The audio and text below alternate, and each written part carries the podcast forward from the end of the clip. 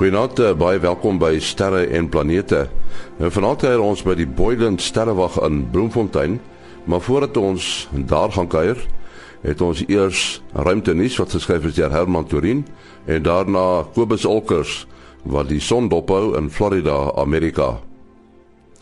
Terwyl die onlangse Amerika-Afrika beraad plaasgevind het, het die minister van Wetenskap en Tegnologie, Naledi Pandor, ook samesprekings gevoer met Amerikaanse belanghebbendes oor die versterking van wetenskaplike, tegnologiese en innovasie vennootskappe. Dit het 'n onderdeel van die hoofberaad uitgemaak. Die minister het tydens die verrigtinge die belangrike rol wat die SKA kan speel in die opleiding van 'n volgende generasie wetenskaplikes uit Afrika beklemtoon. Oor net minder as 'n jaar sal die New Horizons tuig die Pluto groep bereik. Hoewel Pluto reeds in 1930 ontdek is, is dit so ver van die son dat dit nog net 'n deeltjie van sy eerste omwenteling sedertdien om die son voltooi het. Daar word dus nou baie akkurate metings gedoen om Pluto se presiese posisie te bereken wanneer 'n New Horizons arriveer en die tuig betyds koersaanpassings te laat maak sodat dit nie te ver van die dwergplanete en sy maane verby beweeg nie. Wetenskaplikes gebruik nou die ALMA teleskoop in die Atacama woestyn om die beweging van Pluto teen 'n objek 10 miljoen ligjare in die ruimte akkuraat te meet. Die objek wat gekies is, is 'n quasar J1911-2006. Indien Pluto se baan nie baie akkuraat bereken word nie, kan die New Horizons sy bestemming met 10000 km mis. China gaan voor die einde van die jaar 'n wenteltuig na die maan stuur en weer na die aarde laat terugkeer. Dit maak deel uit van die voorbereidings van die beoogde Chang'e 5 missie waardeur China beoog om 'n tuig op die maan te laat land en met grondmonsters weer by 'n wenteltuig aan te sluit wat na die aarde sal terugkeer. 'n Belangrike aspek van die voorbereidingssending is om te kyk of die wenteltuig die terugkeer deur die aarde se atmosfeer sal kan weerstaan. China beoog om teen 2020 'n permanente ruimtestasie te hê en uiteindelik 'n mens op die maan te laat loop en teen 2030 grondmonsters op Mars te neem. Tot sover ruimtenis.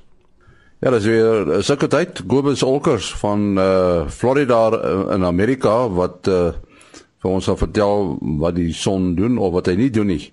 Uh goeienaand en goeienaand luisteraars. Ja, die son is op die oomblik weer redelik stil. Ek kan vinnig vinnig vir hierdie week se se gevoelens gee. Ehm um, die toestand is op die oomblik het ons uh geen aktiewe area wat kompleks genoeg is om vir ons vakkels te veroorsaak nie. Ons het ook geen filament wat die moeite werd is om van te praat nie. Die die langste enetjie is maar hier so by die uh 2-300 000 km lank en dit is nie genoeg om een gepret te veroorsaak nie. Wys jou maar net weer hoe groot die son is en hoe klein is ons, nê. En dan is daar ook geen koronagate wat die moeite werd is nie om die waarheid te sê dit begin stadig gaan lyk like, uh asof die die uh, korona gate oor die pole van die son so stadig gaan begin verskyn. Op die oomblik het ons nou enetjie by die suidpool.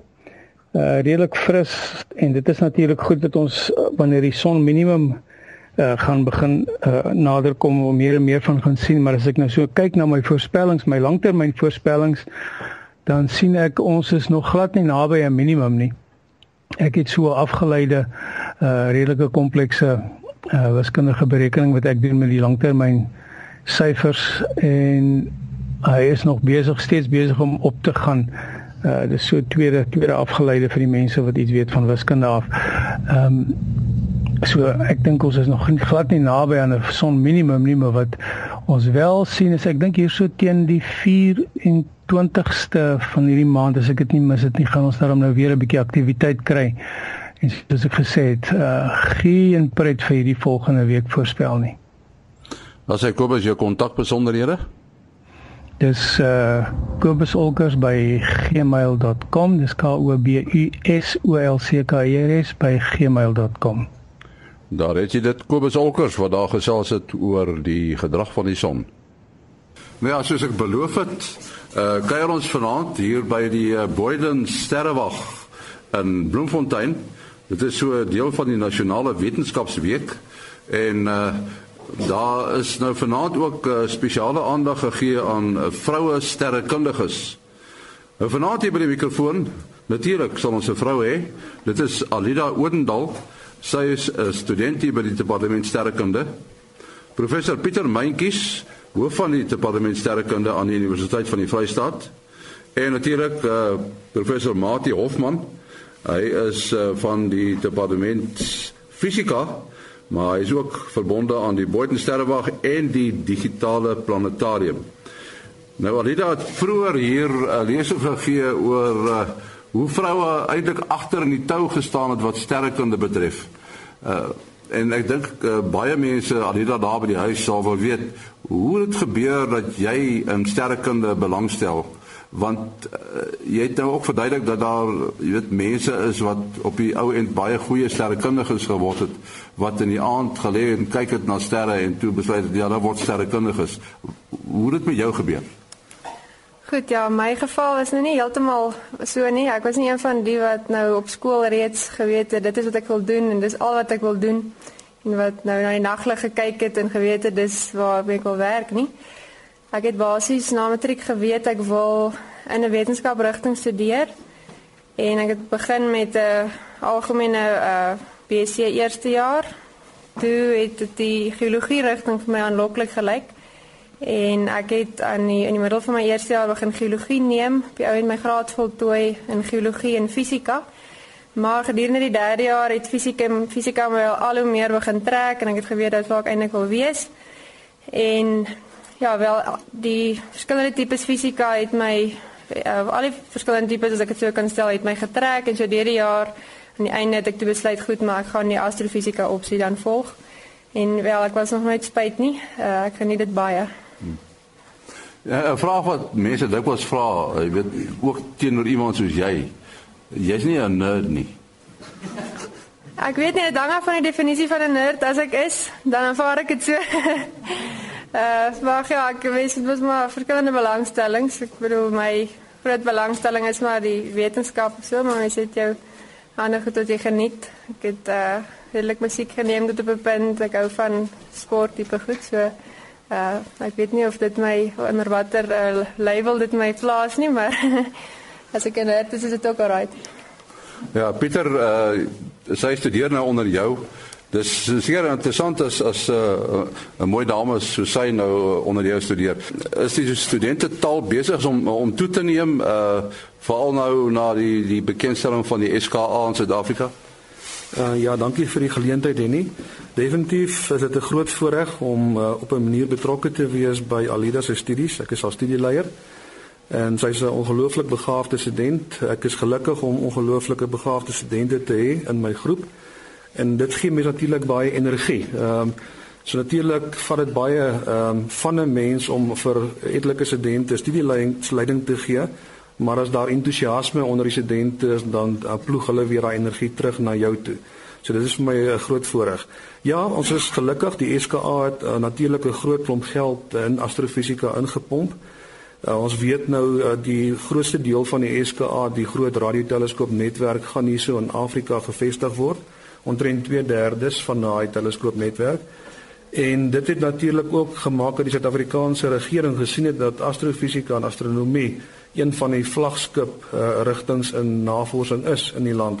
En sodoende het hulle baie geld ingepomp en natuurlik het na al hoe meer geld in beurse ingegaan. Uh elke einde van die jaar het ons 'n uh, konferensie in Stellenbosch waar al die nagraadse studente dan nou voorleggings kom gee oor die navorsing wat hulle doen en daai getal het geweldig gegroei. Ons is deesdae is daar definitief meer as 100 tussen 100 en 150 studente wat deur die SKA befonds word. So dit is 'n baie goeie wending wat geneem is. Mati eintlik is Bloemfontein bevoordeel nee want hy het nou 'n sterrewag Hy het 'n departement sterrekunde en hy het 'n digitale planetarium. Is dit nie die sterre hoofstad van die land nie?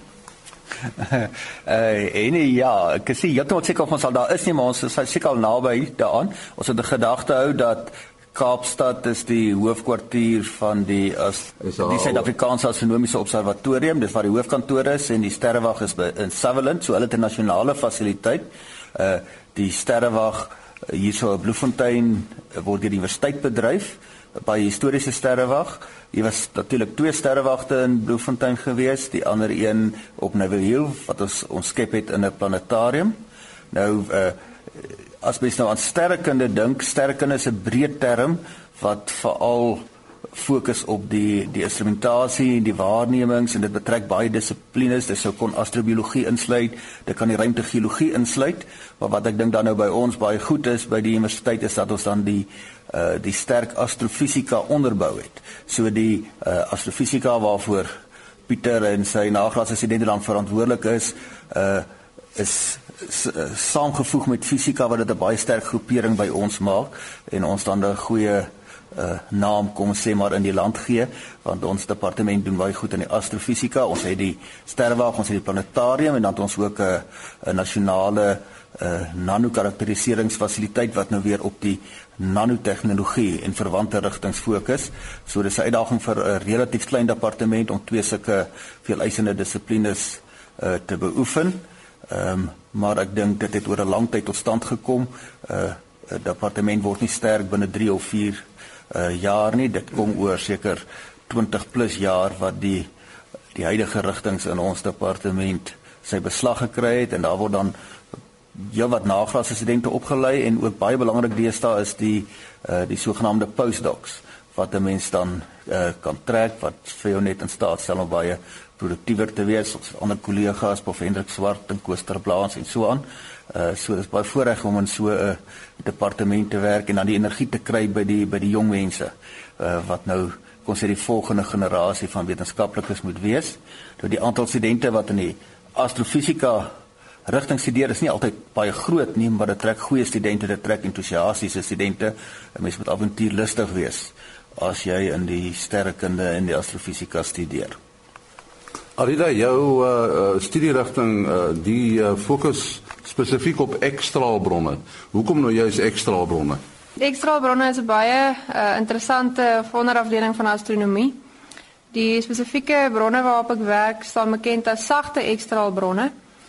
En uh, hulle bestaan uit of die die klas bestaan tipies uit sterre wat uh, in dubbelstelsels rondom mekaar is, so 'n binêre stelsel waar die twee sterre rondom mekaar wentel onder die invloed van mekaar se gravitasievelde. En een van hierdie sterre is dan ook 'n wit dwerg, waar ons gepraat het in die lesing, 'n baie klein en digte uitgebrande ster eintlik. En soos wat materiaal van die ander ster na die wit dwerg oorgedra word, vind kernbranding van hierdie oorgedraagde waterstof dan nou plaas op die wit dwerg se oppervlak. So dit gaan natuurlik gepaard met die vrystelling van groot hoeveelhede energie en dit is dan waar die ekstrale vandaan kom wat ons waarneem. So dit is regtig uh van die bronne in die heelal wat uh vreeslike hoë konsentrasie energie uitstraal en natuurlik kan ons nie ekstrale waarneem vanaf die aarde se oppervlak nie. Daarom word hierdie ekstra waarnemings gedoen deur satelliete wat bo die aarde se atmosfeer wentel, byvoorbeeld Chandra of XMM Newton. En dit is dan nou ook van waar ons die die ekstra data kry om agter te kom presies watter fisika prosesse aan die gang is in hierdie stelsels. Ja, ekstrale is nou maar deel van die ligspektrum, né? Nee. Ja, ekstrale is 'n sekere afdeling van die elektromagnetiese spektrum. So die elektromagnetiese spektrum begin by radiogolwe in die lae energie, deur mikrogolwe, infrarooi, dan 'n klein stukkie van die elektromagnetiese spektrum is die sigbare lig en dan natuurlik gaan ons na hoë energie of hoër energie strale ultraviolet, dan kom X-strale en uh gamma-strale is dan nou die elektromagnetiese golwe met nog hoër energie as die X-strale. So X-strale is regtig amper aan die hoë energiepunt van die spektrum. Mati Uh, nee, ja, ek het 'n vraag. Partykeer vra mense dit vir my en ek het soort van 'n verduideliking, maar miskien het Alida 'n beter verduideliking. Uh as ons nou aan die sigbare lig dink, dan kan ons dit maklik met 'n stukkie papier uh stop. Ons kan nie deur papier kyk nie. Maar ons weet ekstrale beweeg met groot gemak deur die mens se liggaam dis hoekom ons ekstra fotos kan neem van die mens se skelet. Maar nou uh, impliseer wat sy gesê het ons het satelliete nodig of ruimteteleskoop om die ekstrale te sien van die atmosfeer wat maar vir ons baie dun voel uh, stop die ekstrale maar dit stop weer nie die lig nie. Hoekom kan papier lig stop die atmosfeer stop nie lig nie maar dit stop ekstrale. Ehm um, dit dit gaan maar gepaard met verstrooiings wat plaasvind van die hoë energie partikels in die atmosfeer. So die die absorpsie en verstrooiing maak dan seker dat uh, daardie energie eintlik opgebreek word of uh, verstrooi word na golflengtes wat dan eintlik uh, laer energie het en nie nie skadelik is vir ons as mense nie. So baie van die energie gaan éventueel in infrarooi in en infrarooi kan basies deur enige medium beweeg, gasmedium nou. Kan net sê dat die aarde se atmosfeer se absorberende eienskappe is ekwivalent aan 'n laag lood met 'n dikte van 2,5 meter wat jy om die aarde sou sit. As dit nie vir dit was nie, dan sou geen lewe moontlik gewees het op die planeet nie want ekstrale en gammastrale sou alles verkoel het. Dan word dit eintlik dit wat ons beskerm teen hierdie skadelike straling. As jy mens na die elektromagnetiese spektrum kyk en jy moet nou 'n soort van 'n presentasie toeken aan uh, gewone lig wat mense kan sien en ekstrale uh, infrarooi gammastrale. Wat een uh, is dit die wat, wat die meeste van is? Kyk in terme van um, astronomiese metings word maar die meeste gedoen in sigbare lig. Maar dit is eintlik die kleinste deel van die elektromagnetiese spektrum. Die radiogebied beslaan in terme van frekwensieruimte by verre weg die grootste deel van die spektrum want radiogolwe se die laagste energie radiogolwe se se golflengtes is omtrent so groot of so lank soos Mount Everest groot is. En natuurlik uh, hoe hoe kleiner die golflengtes raak tot sentimeter golflengte. So dit gee vir jou 'n idee van die spreiding in golflengte van radiogolwe. 'n Optiese lig uh, se golflengte is tipies maar nanometer en daar's 'n baie klein spreiding. En natuurlik as ons nou van daar af nou gaan na gammastrale, dan praat ons van golflengtes wat so klein begin raak dat dit kleiner is as uh, die deeltjies waaruit um, atome opgebou is soos elektrone, protone en neutrone. So ons kan dan kom so 'n idee begin kry van hoe klein hierdie golflengtes dan begin raak as ons na hoë energiegebied toe beweeg. En daarom in daai energieband tree die gammastrale op eintlik maar soos deeltjies wat mekaar bots. Uh ja, en as mens nou uit 'n ander hoek gaan kyk na die hoeveelheid energie in elke deel van die spektrum, dan sal dit weer afhang van die temperatuur van die ster as mens in terme van swart liggaamstraling kyk. Uh so as ek nou moet moet draai die son se spektrum uh het sy maksimum so in die geel gebied van die uh, van die spektrum, so hy's 'n geelerige ster, so 'n groot deel van sy energie word in die uh, infrarooi en sigbare gebied uitges, uh, uitgestraal. Maar as jy nou gaan kyk na ander tipe sterre kan dit anders wees. Ek is nie seker of daar sterre is wat die meeste van hulle energie dalk in die ultraviolet of selfs ekstrale uitstraal nie dan van tipe bronne af. Ehm um, maar uh, miskien kan Pieter hulle daarbey aanval weet wat se ekstreme situasies kry mens wat sterre betref of daar van hulle is wat heeltemal van die sigbare lig af die mees prominente energie uitstraling het. Tipies hierdie sterre wat Alida bestudeer die um, ekstraal binêre stelsels is die dominante uh, uitstraling in die ekstraal gebied van die spektrum. So daar domineer die hoë energiestraling. So dit is uh, by verre weg meer as wat jy sou kry in optiese lig van die tipe stelsels. As ons na nog meer eksotiese voorwerpe be beweeg soos uh, soos pulsare, die neutronsterre wat Alida van praat, sal ons sien dat daar is nog meer straling in die hoë energiegebied as in die ekstraal en dit is in gamma strale. So by baie ekstra by, by by baie van hierdie pulsare word die grootste deel van die energie in die gammastraal gebied van die spektrum uitgestraal. So dit is tipies die tipe van stelsels wat ook vir ons van groot belang is want uh, in ons navorsingsgroep uh, fokus ons, ons op multigolflengte astrofisika. Ons fokus veral op hoë energiebronne waarvan uh, die dominante uh, uitstraling in kom ons sê die ekstraal gebied van die spektrum en in die gammastraal gebied van die spektrum is. Maar om hierdie sisteme volledig te bestudeer het ons natuurlik nodig om hulle te bestudeer van radio tot en met gammastrale om hulle hele spektraal energieverdeling mooi um, uit te karteer om te sien presies hoeveel energie word in watter band uitgestraal en natuurlik kan ons dit dan gebruik as 'n begrensing van watter tipe meganismes uh, ter sprake is om daai straling in daai energiebande te te produseer. Alida as mens nou na 'n foto kyk wat byvoorbeeld sê maar van die Andromeda galaksie geneem is uh deur sê maar die Chandra. Hy sal anders lyk as byvoorbeeld uh, 'n foto wat die Hubble geneem het.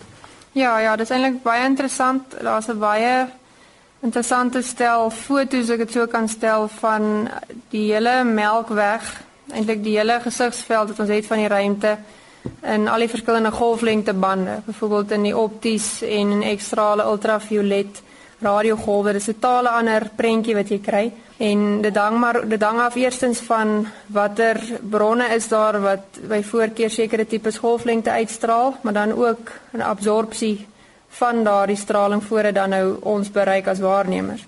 Met 'n voorbeeld te gee, hierdie sagte ekstraalbronne waarop ek werk, ehm um, die meeste van hulle wat al ontdek is, is ontdek in in ander sterrestelsels as die Melkweg en daar's geen rede hoekom daar nie ook dieselfde konsentrasie van hulle in die Melkweg sou wees nie maar omdat daar 'n uh, eh, sterk absorpsie van sagte ekstrale in die vlak van die melkweg is, sien ons eintlik baie min van hulle. Ehm um, al is al is hulle baie naby aan ons omdat daar wel absorpsie plaasvind. So dit hang daar's letterlik bronne wat jy sal helder sien in ekstrale en wat dan opties dan basies met gewone teleskoop nie sou sigbaar wees nie. As jy nou hierdie uh, ekstraal uh, bronne bestudeer, Jy het nou gesê uh, dis teleskope soos die Chandra ensovoorts. Uh, kry jy hierdie fotos te sien of hoe werk dit? Ja, die die stelsel werk basies as volg. Uh, as 'n mens sou belangstel om data te kry of waarnemings van die spesifieke sterre waarna jy belangstel, dan skryf jy 'n aansoek byvoorbeeld vir NASA of vir die Europese Ruimteagentskap waar jy sê goed Hierdie is die bron wat ek graag wil waarneem. Dit is my redes. Uh jy moet goed motiveer hoekom jy waarskynlik 'n wetenskaplike artikel daaruit sal kan saamstel wanneer jy die resultate het.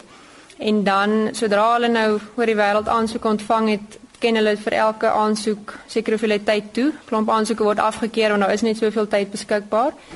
Dan word die data dan nou geneem. Die die siklusse lopend uh tydperke van omtrent 'n jaar. So in daardie jaar of wanneer jy ook al gevra het oor die data dan geneem, het word gelaai op 'n sentrale database op die internet.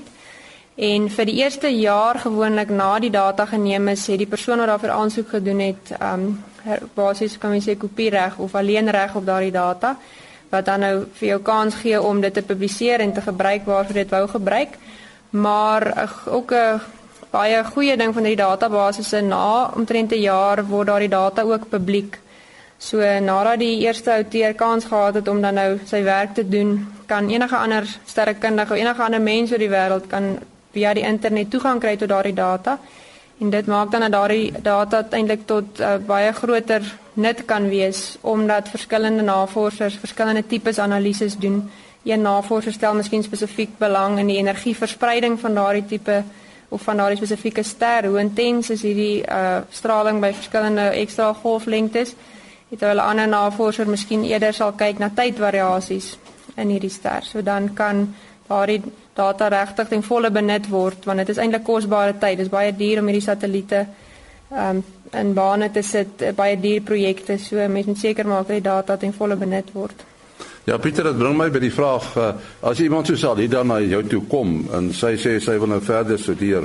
Hoe besluit julle watter onderwerp julle gaan uh, gaan bestudeer want Hoe weet julle dit word nie al reeds gedoen nie? Ja, en daar's natuurlik 'n paar hoofrigtinge in terme van navorsing wat 'n bepaalde groep nou sal doen.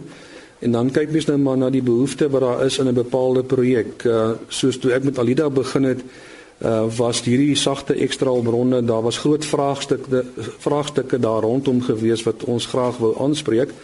En ek het in Alida die ideale persoon gesien wat hierdie tipe van navorsing sou kon doen en daar het ek en sy om 'n tafel gaan sit en ons het 'n projek soort van ehm um, bespreek uh, en natuurlik wat uh, wat so baie positief was van hierdie betrokke projek is die multigolflengte moontlikhede wat daar was. Veral met hierdie tipe bronne soos ek vroeër gesê het kan mense hulle bestudeer van raad van die radiogebied van die spektrum opties uh, ultraviolet ekstraal en natuurlik hoop ons om later ook dalk moontlike gammastraal uh, uh, emissies van hierdie bronne te kan waarneem onder bepaalde omstandighede. So dit is eintlik die groot uh, soort van nisarea van ons navorsingsveld en dit is hierdie multigolflengte astrofisika. Daarom fokus ons op tipe van uh, navorsing en bronne wat die beste moontlikhede bied uh, vir hierdie hierdie studieveld. En is ook natuurlik uh, een van die um, internasionale nisareas op die oomblik omdat jy eintlik kennis oor alle golflengtebande dan nou integreer om 'n uh, bepaalde prentjie van uh, astrofisiese omgewings te vorm. So dit is 'n baie aktuele onderwerp of studieveld internasionaal ook. Alida, jy het gesê jy studeer met 'n SKA beurs. Maar dit wat jy bestudeer het eintlik niks met uh, eh, SKA te doen nie. Vir die koneksie met die SKA kan ek net so verduidelik. Soos wat uh, professor Mentjies nou gepraat het van die multigolflengte benadering. Hierdie hierdie tipe bronne waarop ek werk staan bekend en nou as sagte ekstraal bronne omdat die dominante uh, uitstraling in die ekstraal gebied is. Maar omdat dit eintlik so 'n sulke interessante tipe stelsels is, kyk jy eintlik in die ekstrale net na wat op die wit dwerg gebeur en jy kan nie eintlik jy kan regtig nie sê dat jy alles van die stelsel weet deur net daarna te kyk nie. Daar's ander komponente, byvoorbeeld wat ons noem die sekondêre ster, die ander ster wat dan nou die massa oordra na die wit dwerg, wat dalk tipiese ster soos ons son kan wees, wat natuurlik dan nou weer in die optiese gebied helderder sal wees. Daar's ook 'n struktuur wat rondom die wit dwerg vorm. Ehm um, basies 'n 'n skuif van materiaal wat besig is om in te spiraal na die wit dwerg onder die invloed van die gravitasie. En daardie skuif is tipies baie helder in die ultraviolet ook en optiese optiese lig. Nou om terug te kom na die radio, hierdie die bronne waarna ek kyk, meeste van hulle is nog nie in die radio waargeneem nie. Maar ons sien in hulle 'n baie belowende klas van bronne vir waarnemings deur die SKA wanneer daar wanneer daardie uh, sensitiewe instrumente dan nou beskikbaar is. Die rede daarvoor is dat daar in hierdie tipe binêre stelsels baie dikwels vanaf die, die magnetiese poolkappe van die wit dwerg materiaal in sogenaamde uitvloeie of winde uitgeskiet word eintlik vanaf die wit dwerg en in hierdie uh uitvloeie van weer prosesse plaas wat mens dan ook weer in die radio kan sien. So tipe wat mens sou baie van sal lees van radio uitvloeie um kom uit sulke tipe bronne waar daar dan nou potensiaal potensiaal is vir daai tipe uitvloeie. So uh ons die vloed, kom ons sê die helderheid van die radio wat ons sou verwag van daardie bronne is ook dan nou te dof vir die huidige radioteleskope. So ons wag eintlik vir die SKA om te kyk of ons daardie tipe uitvloeie kan waarneem in hierdie bronne, die ekstra bronne. Net in slotte uh, Alida, um, is daar genoeg geleentheid vir vroue om te werk in sterrekunde? Ja, beslis. Ek sou definitief so sê, ehm um, daar's baie aanmoediging vir vroue deesdae om uh, gebruik te maak van die geleenthede in astronomie. En ek self het uh, die beurs wat ek gekry het, dit vir my moontlik gemaak om met nagraadse studies aan te gaan en ek het baie uh, groot waardering daarvoor. So ek sou regtig sê as daar van die uh, jong meisies is wat so belangstel in 'n loopbaan in astronomie, daar is geleenthede, die SKA is aan die kom. Astronomie gaan op die stadium weer 'n goeie tyd in Suid-Afrika. Daar sê ons sê baie dankie aan Anita Oudendal hier van die Universiteit van die Vrystaat ook professor Pieter Mentjies, uh hoof van die departement sterrekunde en uh, professor Mati Hofman van die departement fisika, die Boydenstellewag en die digitale planetarium aan die Universiteit van die Vrystaat. Tot volgende week. Mooi loop.